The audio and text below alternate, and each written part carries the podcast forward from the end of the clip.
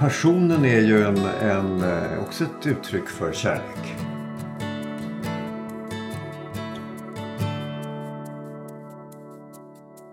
Kärleken har väldigt många olika uttryck. En förutsättning för passionen är att jag har varit där med mamma en gång. Hej! Du lyssnar på Angeläget, en samtalspodd från Svenska kyrkan i Umeå med Lena Fageus och gäster.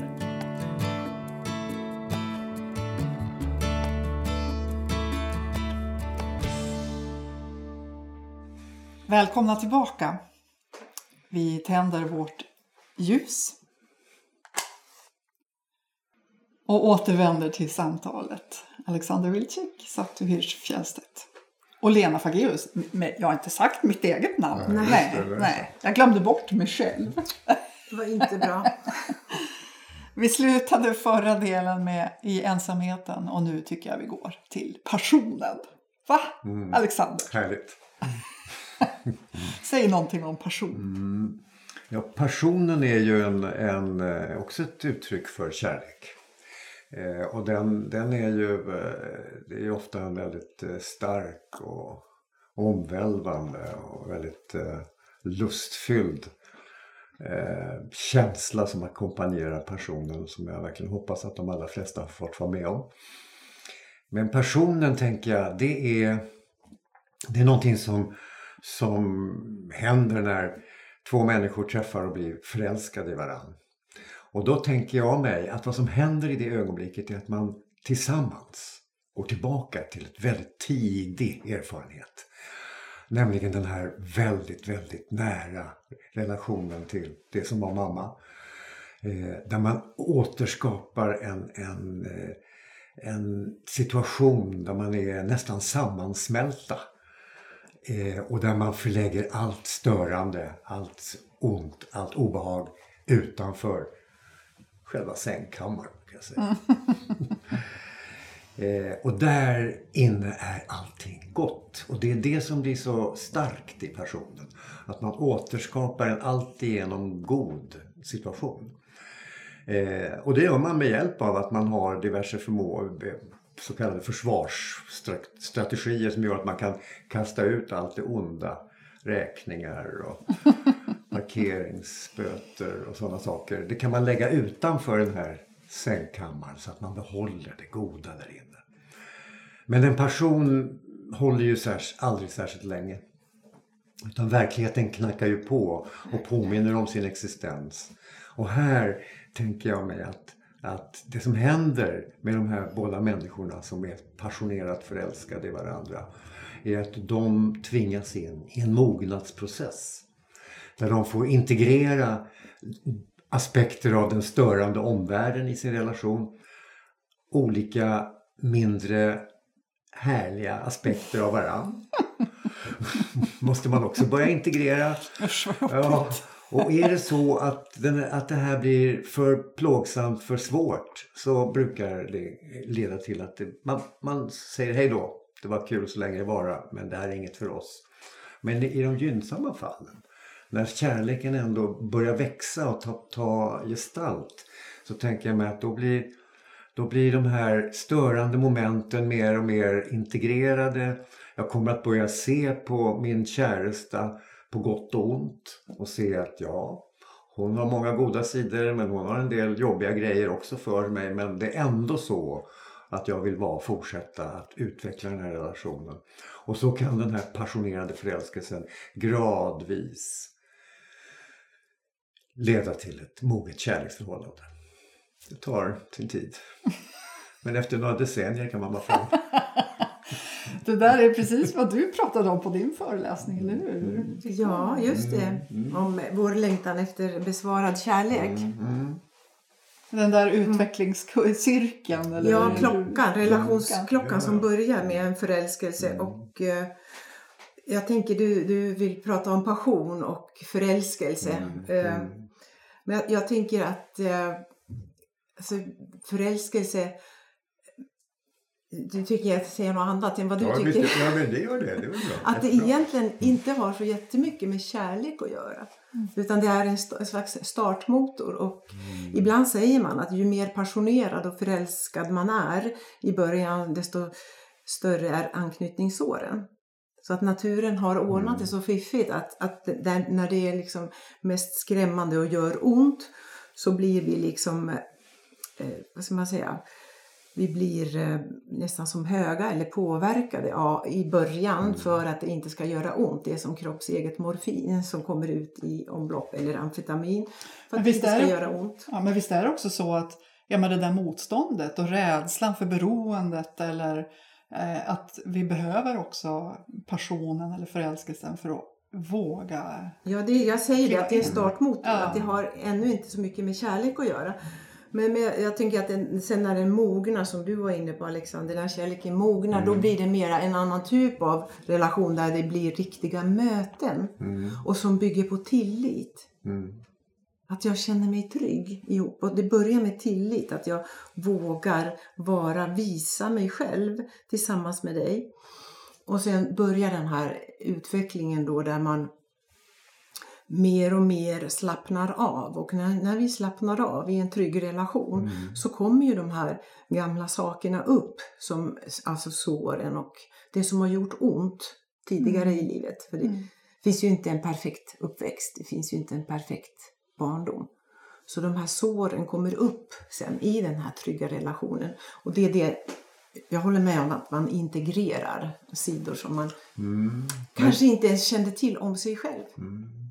Men, men jag blir lite nyfiken på, du, du säger att det här, det här tidiga, passionerade, liksom, sammansmältande, att det inte är kärlek. Vad är det då? Ja, men jag tänker att det är nästan som ett um, undantagstillstånd. Det är nästan som... ehm, det, det, är, det är en symbios. Det, det, är, det är någonting som, som det funkar inte. Alltså symbios är ju när, den här sammansmältningen när två blir ett. Och jag kan höra ibland, och jag själv har varit med om att säga att men varför har det varit mitt, hela mitt liv? Det känns som att vi känner varandra. Och det blir en väldig, alltså vi är ett. Men Men det är den här symbiosen är inte kärlek utan kärlek är ju två självständiga individer. Men alltså, ibland så pratar man ju om att den där förälskelsen är projektionerna. Alltså, jag skickar ut min drömbild på dig på något sätt. Och sen så småningom så faller mina drömbilder av dig och du själv kliver fram. Men du, du tänker att det är på något annat sätt?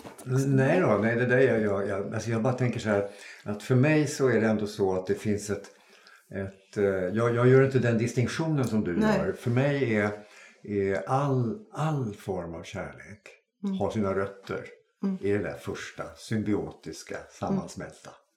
Så för mig, för, i mitt tänkande. Och, det, och det jag tänker att det, det är också intressant att du, du är ju, du är ju eh, eh, förankrad i anknytningstänkandet. Ja, väldigt Och, mycket. och anknytningstänkandet, tänker jag, där, där, där har man gått in direkt i den här relationen.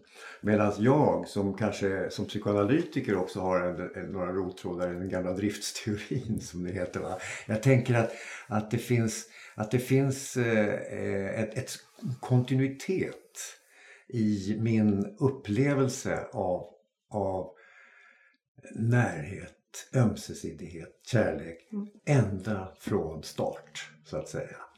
Eh, och, och jag tänker att det är, det är, så därför blir det för mig så att passionen, den här symbiotiska lyckan av att smälta samman med någon som jag är förälskad i, att den, eh, den har, har också sitt ursprung. Eller, sin, eller jag skulle nästan vilja säga så här.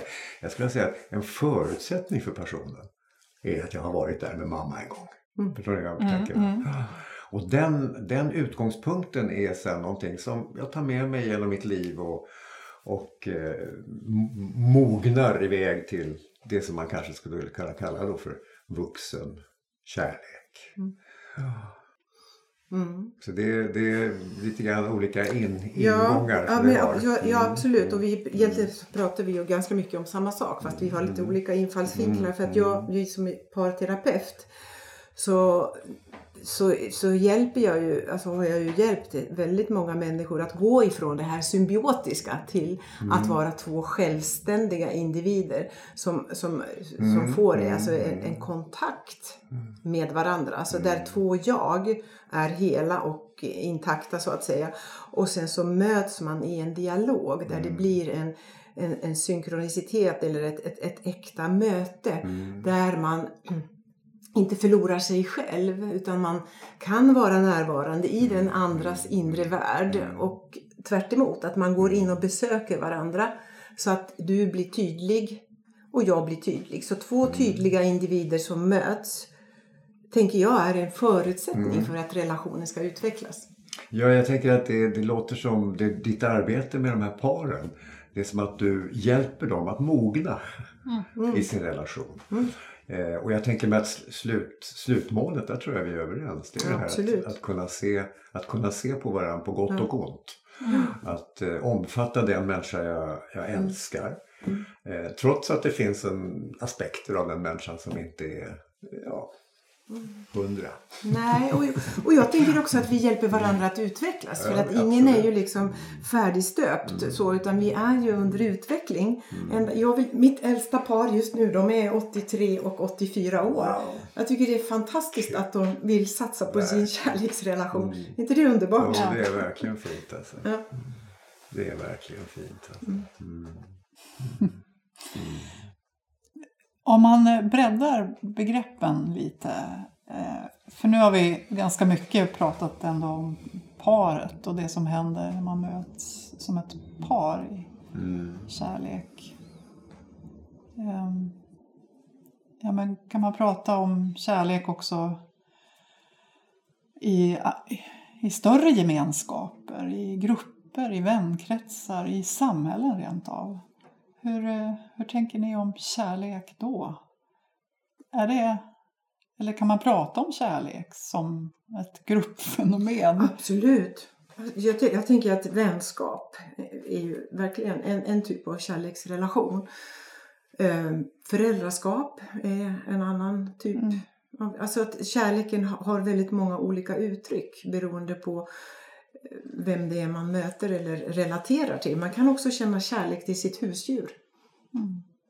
Det är också en slags kärlek. Eh, det är ju så att man, man kan ju inte älska, alltså kärlek, eh, jag tänker att, att man har, jag utgår ifrån mig själv, att man kanske har en lite mindre krets, att det kan vara två, tre, fyra, fem stycken personer som man släpper riktigt nära in på sig. Och det, det är en slags alltså, mera intim kärlek utan att det behöver vara fysisk. Eh, sen så har man en, en, en krets runt omkring den som är lite mer vänskapskärlek där man känner sig inkluderad. Och där man får den här kontakten som jag pratar om. Att, att du vill förstå mig och jag vill förstå dig. Och sen så synkar vi med varandra. Och sen så finns det ytterligare en, en dimension då som är mer samhälls, på samhällsnivån där, där det är ett vänligt, eh, kärleksfullt, gott, välvilligt system Mm. som underlättar för människor att mötas och hålla ihop. Mm, Jag håller med. Jag tror att det är kärlek det handlar om på alla de här olika nivåerna. Och jag, det, det får ju mig att tänka på det här som Freud brukade tala om att det, fanns, att det finns två övergripande principer som han då gav, eh, namngav grekiska gudar, Eros och Thanatos. Och där han då mm, talade om Eros-principen som en kraft som jobbade för att skapa större och större komplexa sammanhang. Alltså man man kan gå till biologin, att skapa komplicerade molekyler, fler, orga, flercelliga eh, organismer. Samhällen, alltså att, det, att skapa en samhörighet, eh, komplexa strukturer eh, som, som han menar inte bara handlar om människor alltså, utan även om, om allt levande. Eh, men om man tittar på människor så handlar det om, precis som du säger, att skapa också samhällen som genomsyras av tillit och att man, man betraktar sin, sin nästa som en god människa som Vill väl. som vill väl och som man själv man vill sin nästa väl och känner att min nästa vill mig väl. Eh, och, eh, och medan då Thanatos är en princip som går åt andra hållet. Nämligen där målet är att sönderdela allting i sina i grundämnen i princip. Att man sönderdelar allting i sina beståndsdelar. Eh, och det är som att eh, eh hela skapelsen, om vi ska lyfta in ett sådant mm, begrepp här, mm. eh, liksom hela tiden balanserar mellan de här olika principerna. Att det pågår hela tiden en, en, en vittring, en sönderdelning och det pågår en kraft som försöker skapa större och större, mer och mer komplexa sammanhang. Pågår det samtidigt eller går det, finns det som en pendelrörelse? Ja, så det pågår, det pågår eh, enligt den här tanken så finns de här principerna pågående samtidigt. Men i perioder så kan den ena dominera över den andra. Som en dynamik, ja, inbyggd precis, dynamik precis, i hur precis. verkligheten Ja, för du använde som ett exempel när vi pratade tidigare ja. och att, ja men som EU och... Ja, det var ju det som hände när, när Berlinmuren föll så att säga ja. och eh, kommunistblocket störtade samman och Sovjetunionen upplöstes. Då var det en period eh, i, åtminstone i vår del av världen, där, man, där alla människor längtade efter större och mer komplexa och sammanhang och alla skulle vara med i samma EU. Och eh, alla hade liksom goda ambitioner, alla såg på varandra med tillit och alla gränser skulle bort och, och hela det där. Att det var ju en, en, en period, det var ju till och med folk som sa att historien tog slut. När, när eh, järnridån föll. Men att det var en period av, av eh, stark kärlek skulle jag vilja säga. Där erosprincipen verkligen dominerade vår del av världen under, under, under ett antal år. Eh, Medan idag så ser det ju annorlunda ut. Idag har ju Thanatos ryckt upp sig och, eh, ryckt upp sig. och eh, återinstiftat eh, eh, gränser. Och, alltså Storbritannien har brutit sig ur gemenskapen och ska ha en egen gräns och klara sig själva. Andra länder i Europa vill också profilera sig och ställa sig på tvären. Och liksom vi ser att det håller på att skapas gränser, man delar upp människor. Auktoritära och eh, idéer har kommit till, till eh, heders igen. Och man skiljer på folk och folk. Och ni och vi och att det är en sån process som pågår nu. Och att människor inte längre är, är den sista, liksom, på något sätt, vad ska jag säga, rycket var ju när, när flyktingströmmarna kom 2015. Då. Och till och med en, en moderat toppolitiker sa öppna era hjärtan. Mm. Det var på något sätt. Och där, sen dess så har det ju gått helt åt andra hållet. Så att det är som att pendelrörelsen, det, de, de ero, eroskrafterna de, så att säga, krafterna som handlar om att binda samman. De har hamnat lite grann i bakvattnet nu medan de här krafterna som vill ha ja, men tänker du att det är ofrånkomligt? Vi kan inte skapa det där eros-samhället eller grupperna eller så. Utan det, det kommer alltid någonting som också bryter ner och splittrar. Är det ofrånkomligt? Jag tycker det är en jättesvår fråga att svara på. Alltså, men eh, eh jag tror att eh, alltså, det är så här tänker jag, apropå min föreläsning Människa på gott och ont. Mm. Att eh, det, finns, eh, det finns det onda och det goda finns i oss alla. Eh, och eh, det är, det är då hur jag personligen handskas med de här sidorna hos mig är ju beroende på hur min omvärld ser ut. Mm. Och sen är det ju så att i den, i den libidinösa, alltså den kärleksfulla erosbetonade verkligheten så förutsätter ju det att jag också eh, lägger band på det onda i mig. Att jag liksom ställer det lite grann åt sidan eller gör någonting med det så att det inte kommer till uttryck. Men det här skapar en inre eh, en slags konflikt i mig. Som att jag känner att jag, jag kan inte, jag kan inte eh, Bejaka alla sidor. Exakt. Ja. Aspekter av mig kommer inte till uttryck. Ja. Så att, eh, och det här kan, kan leda till att man, man också att det blir ett stigande obehag i en sån här väldigt god situation. Eh, och när tillräckligt många människor tycker att nu är det dags att ta fram, liksom, ja, ta fram lite mer brutala sidor tillsammans här. Så, så kan det bli en lättnad. Det är det som händer i en mobb till exempel. När, när eh, Black Army ska spöa Hammarby, Hammarby. Eh, eh, de här eh, Ja. supportrarna. Då blir det ju så att då, då lyfts det där, den där hämningen av och man får ta fram liksom busen, Hat, eller- busen i sig, ja hatet. Ni är inte kloka, ni ska ha stryk. Alltså att det, en, det finns en, ett sug efter en sån sak i, i varje individ också. Och det tror jag gör att de här Alltså att, det, att det, det sker en slags rörelse mellan perioder då Eros dominerar och perioder då Thanatos dominerar mera. Jag vet inte om det där blev begripligt. Jo, men jag, alltså, jag, alltså det är ju, vi lever ju i en skrämmande tid på det sättet. Där, där det är, eh, som, ja, men, som vi eh, brottas med på olika sätt. Och tänker kring. Och det, alltså, när du beskriver det sådär så kan jag också känna lite hopp. Jag menar, ja, men det är en slags pendelrörelse. Det kommer tillbaka. Vi vill till slut så kommer vi att vilja gå tillbaka till att tycka om varandra igen. Och låta den som är annorlunda än mig själv få finnas med. Men så att, eh, hur tänker du? Är det, har, Alltså jag är ju inte psykoanalytiker så jag, men jag lyssnar ju. Jag förstår ju ditt resonemang och det är ju ett, jätte, det är ett metaperspektiv och det är ju jätteintressant att lyssna på dig. Och jag själv är eh, sedan flera år tillbaka mera insnöad skulle jag säga på neurobiologi. Ja, ja, jag tänker de olika delarna av hjärnan och vår liksom, utvecklingshistoria. Och eh, när du säger Thanatos, alltså den här att, att eh, dödsdriften att vilja förstöra. Då, då Mm. tänker jag ofelbart på att ja, men det är ju reptilhjärnan, det är gammelhjärnan som får Ja, styra det. och ställa då när, när det blir söndring och Mm. eh, liksom, ni i den grottan ska passa er för oss som bor i den här grottan. Så då är vi tillbaka 200 miljoner år tillbaka i Mm. Det är utvecklingen. lite annat språk bara men Lite egentligen annat. samma, Mm. samma, samma verklighet Mm. med, med lite olika språk. Hörrni, tiden går fort när det, vi har roligt, eller hur? Mm. Så att, eh, nu behöver vi dra ett streck för den här delen Mm. av vårt samtal. Jag vill tacka er.